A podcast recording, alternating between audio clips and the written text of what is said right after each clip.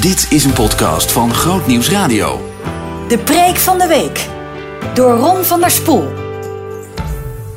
We lezen de Bijbel verder in de Matthäus 5. We zijn bezig met een serie over de bergreden. Uh, en we beginnen gewoon weer in vers 1 te lezen. En we gaan door tot en met vers 6. Toen Jezus de mensenmassa zag, ging hij de berg op. Daar ging hij zitten met zijn leerlingen om zich heen. Hij nam het woord en onderrichtte hen en zei: Gelukkig wie nederig van hart zijn, voor hen is het koninkrijk van de hemel. Gelukkig de treurenden, want zij zullen getroost worden. Gelukkig de zachtmoedigen, want zij zullen het land bezitten. Gelukkig wie hongeren en dorsten naar gerechtigheid, want zij zullen verzadigd worden. Er gebeuren zoveel uh, dingen iedere dag weer die we lezen in de krant of die we horen op het journaal. Ik weet niet hoe u luistert naar het journaal, ik weet niet hoe u die krant leest, maar soms dan overweldigt het me gewoon. Je leest de berichten, je leest de, de, de oorlogen, je leest de hongersnood, je leest over de vluchtelingen, je leest over moorden die worden gepleegd, over verkeersongelukken, over ernstige ziekten, kinderen die sterven. En je voelt je zo ongelooflijk machteloos. Wanneer stopt het? Wanneer houdt het nou een keertje op? Hoe moet het nou toch met dit of met dat? Hoe kunnen we iets doen aan? Het is dat gevoel wat Jezus noemt hunkeren. Hunkeren naar gerechtigheid. Hij zegt het zo: gezegend ben je als je diepste verlangen een verlangen naar gerechtigheid is. En dat diepste verlangen, dat, dat hongeren en dorsten, dat, dat, dat, dat is hunkeren, intens verlangen, dat schuurt. Als je honger of dorst hebt, ik weet niet of je wel eens iets ervan hebt meegemaakt. Maar je hebt bijvoorbeeld een lange wandeling, vergeten water mee te nemen. Man, dan wil je echt heel erg graag drinken. Je hebt dat echt nodig. Je voelt aan heel je lijf, ik moet nu drinken. Je krijgt hoofdpijn. Uh, uh, of als je al heel lang niet gegeten hebt. Door wat voor situatie ook. En uh, je voelt je maag knorren en dat knort en dat knort. Dat, dat is zo, ja, dat voert echt de boventoon bij wijze van spreken. Als het maar lang genoeg duurt, uh, dan, dan is het enige wat je nog maar kan denken is... oh, ik moet eten, mijn maag, mijn maag. Nou, dat is hunkeren. Het schuurt, het doet pijn. Het, het, het, het moet gestild worden, die honger. Hunkeren naar gerechtigheid. Dat wil zeggen, je hunkert, je verlangt er intens naar. Je, je, je vindt het niet te accepteren. Er moet iets gebeuren. Dat wat krom is, moet rechtgemaakt worden. Dat is gerechtigheid trouwens. Hè? Je zegt, ja, wat, wat bedoelt Jezus dan met gerechtigheid? Betekent heel eenvoudig, dat wat krom is, moet recht. Dat wordt weer recht. Dat is gerechtigheid. En dat heeft in de Bijbel altijd in de eerste plaats gaat dat dan tussen God en ons. Paulus heeft het altijd over de gerechtigheid die door het geloof is. Het wordt weer recht, wat krom was tussen God en mij. Wat door de zonde verkeerd gegaan is, heeft Jezus weer recht gemaakt. Mijn gerechtigheid is er dankzij Jezus en het is weer goed tussen God en mij. Maar het werkt ook door eh, in verlangen naar recht in de wereld om je heen. Als je weet hoe heerlijk het is dat dingen die niet goed waren weer goed gemaakt worden, dan werkt dat door. En Jezus zegt hier in de bergreden, bedoelt Jezus het zo, hè, zalig wie hongeren en dorsten naar gerechtigheid, dan hunker je ernaar dat ieder mens tot zijn recht komt. Dat is gerechtigheid. Ieder mens komt tot zijn recht. Niet alleen met God, maar ook met elkaar. Ieder mens, gerechtigheid is heel eenvoudig dit, ieder mens wordt serieus genomen. Ieder mens wordt gerespecteerd. Er is zoveel krom tussen ons mensen. Er wordt zo hard geoordeeld en veroordeeld. Gerechtigheid betekent, ieder mens is voor God even kostbaar. Ongeacht je geslacht, je geaardheid, je kleur, je inkomen, je sociale achtergrond of wat dan ook. Wij mensen gaan gradaties aanbrengen. Wij zeggen die is die sociale klasse, die is zus, die is zo, die is blank, die is zwart. Voor God maakt dat niet uit. Voor God maakt dat niet uit. Voor God is ieder mens even kostbaar. Weet je wat dat betekent? Dat is iets wat ik me de laatste tijd realiseer. We horen nog steeds verhalen van mensen die vluchten uit landen, hè, Afghanistan, Syrië, waar, waar het geen leven meer is. En dan vluchten ze voor hun leven en dan stappen ze in een bootje, door mensensmokkelaars geronseld. Hè.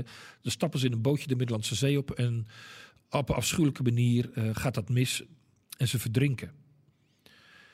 En ik moet eerlijk zeggen, omdat je dat heel regelmatig hoort, dat je, dat je het leest in de krant of je hoort het op de radio. Je denkt, ach jongens, wat, wat een verdriet. En je gaat weer verder. Totdat je beseft, dit was een man, een vrouw die door God geschapen is, met grote zorgvuldigheid gemaakt is. Heb Psalm 139, ik heb je in de moederschoot geweven, met wonderen omgeven. En God had een doel, had een bestemming ook voor deze man, voor deze vrouw, voor dit kindje. Wat op een strand aanspoelt. Totdat je beseft, wat als het nou mijn kind zou zijn? Wat als het mijn vrouw of mijn man zou zijn? Ik kom af en toe in de vluchtelingenkampen in, uh, in Griekenland. Dan word ik uitgenodigd om daar les te geven in de Bijbel aan mensen die dan tot geloof gekomen zijn. Afghanen die in, die in een kamp worden opgevangen nadat ze zijn aangespoeld op het strand in Griekenland. Worden ze in een kamp opgevangen, krijgen ze een Bijbel in hun eigen taal. Ze hebben niets anders, alleen de kleren aan hun lijf en het Bijbeltje en wat eten wat ze aangereikt krijgen van zendingsorganisaties. En ze komen tot geloof in Jezus.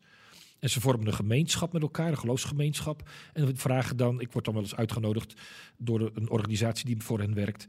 Uh, van, joh, zou je hen willen komen bemoedigen en willen trainen in hoe je dan een gemeente kan opzetten en hoe je een gemeente kan vormen met elkaar.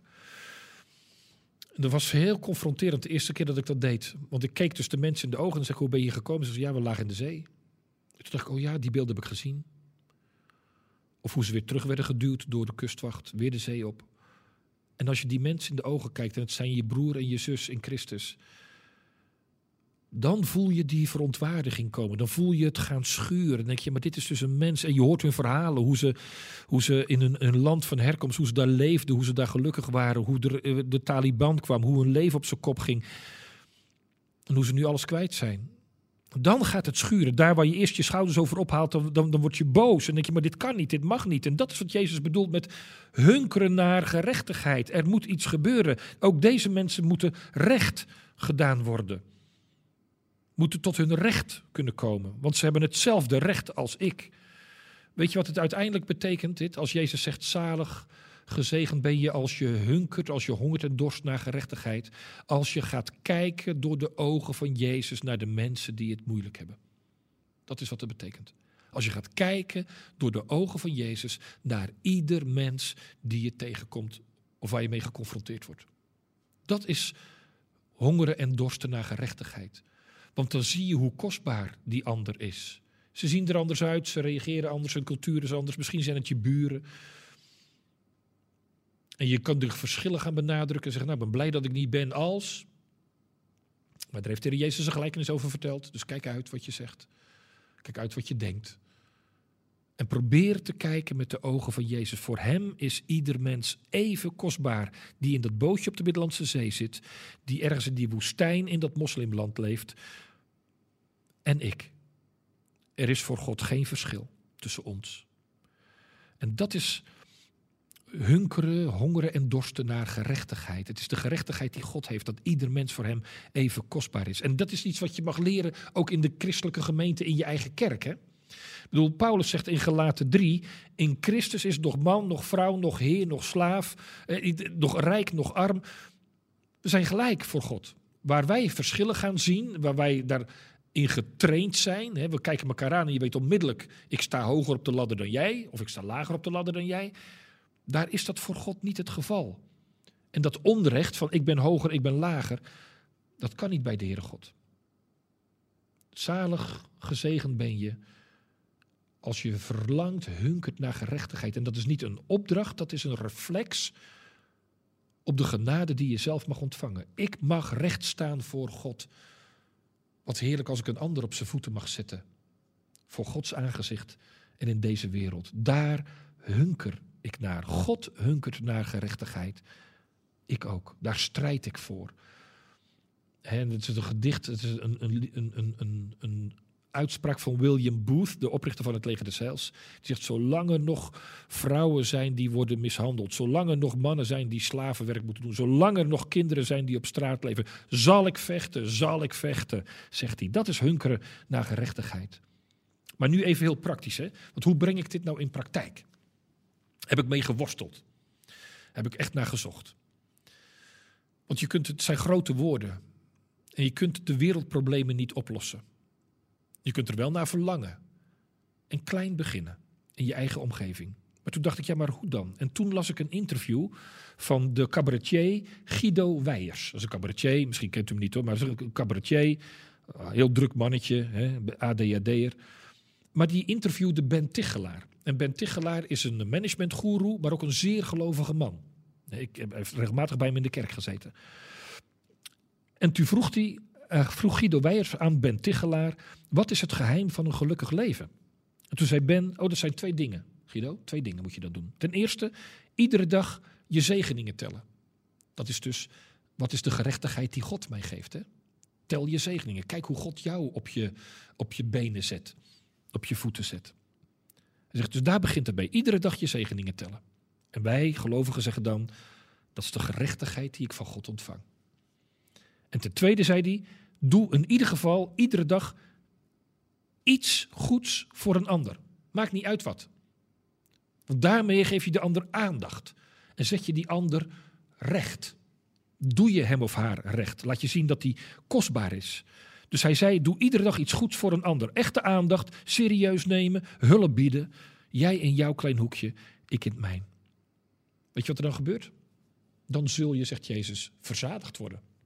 Als jij ontzettend verlangt, zal dat verlangen bevredigd worden. Als jij hunkert, zul je verzadigd worden. Want wie een ander laat bloeien, gaat er zelf van groeien. Zullen we daarom bidden? Lieve Heer Jezus, u hunkert naar recht. En op een dag komt u terug en dan zal de wereld vol recht zijn. Niemand meer krom door wat anderen hem aandoen. Niemand meer op zijn rug door hoe mensen met hem of met haar omgaan. Maar u zet ons allemaal op onze voeten. En we komen allemaal tot ons recht. Maar nu hebben we al de opdracht om daar aan te werken. En ik wil u bidden, Heere God, wilt u dat verlangen, die hunkering in ons hart leggen? Door uw Heilige Geest. Dat we niet zo met onszelf bezig zijn en als ik het nou maar goed voor elkaar heb, maar dat we echt om ons heen kijken en zien waar onrecht wordt aangedaan. En daartegen in opstand komen.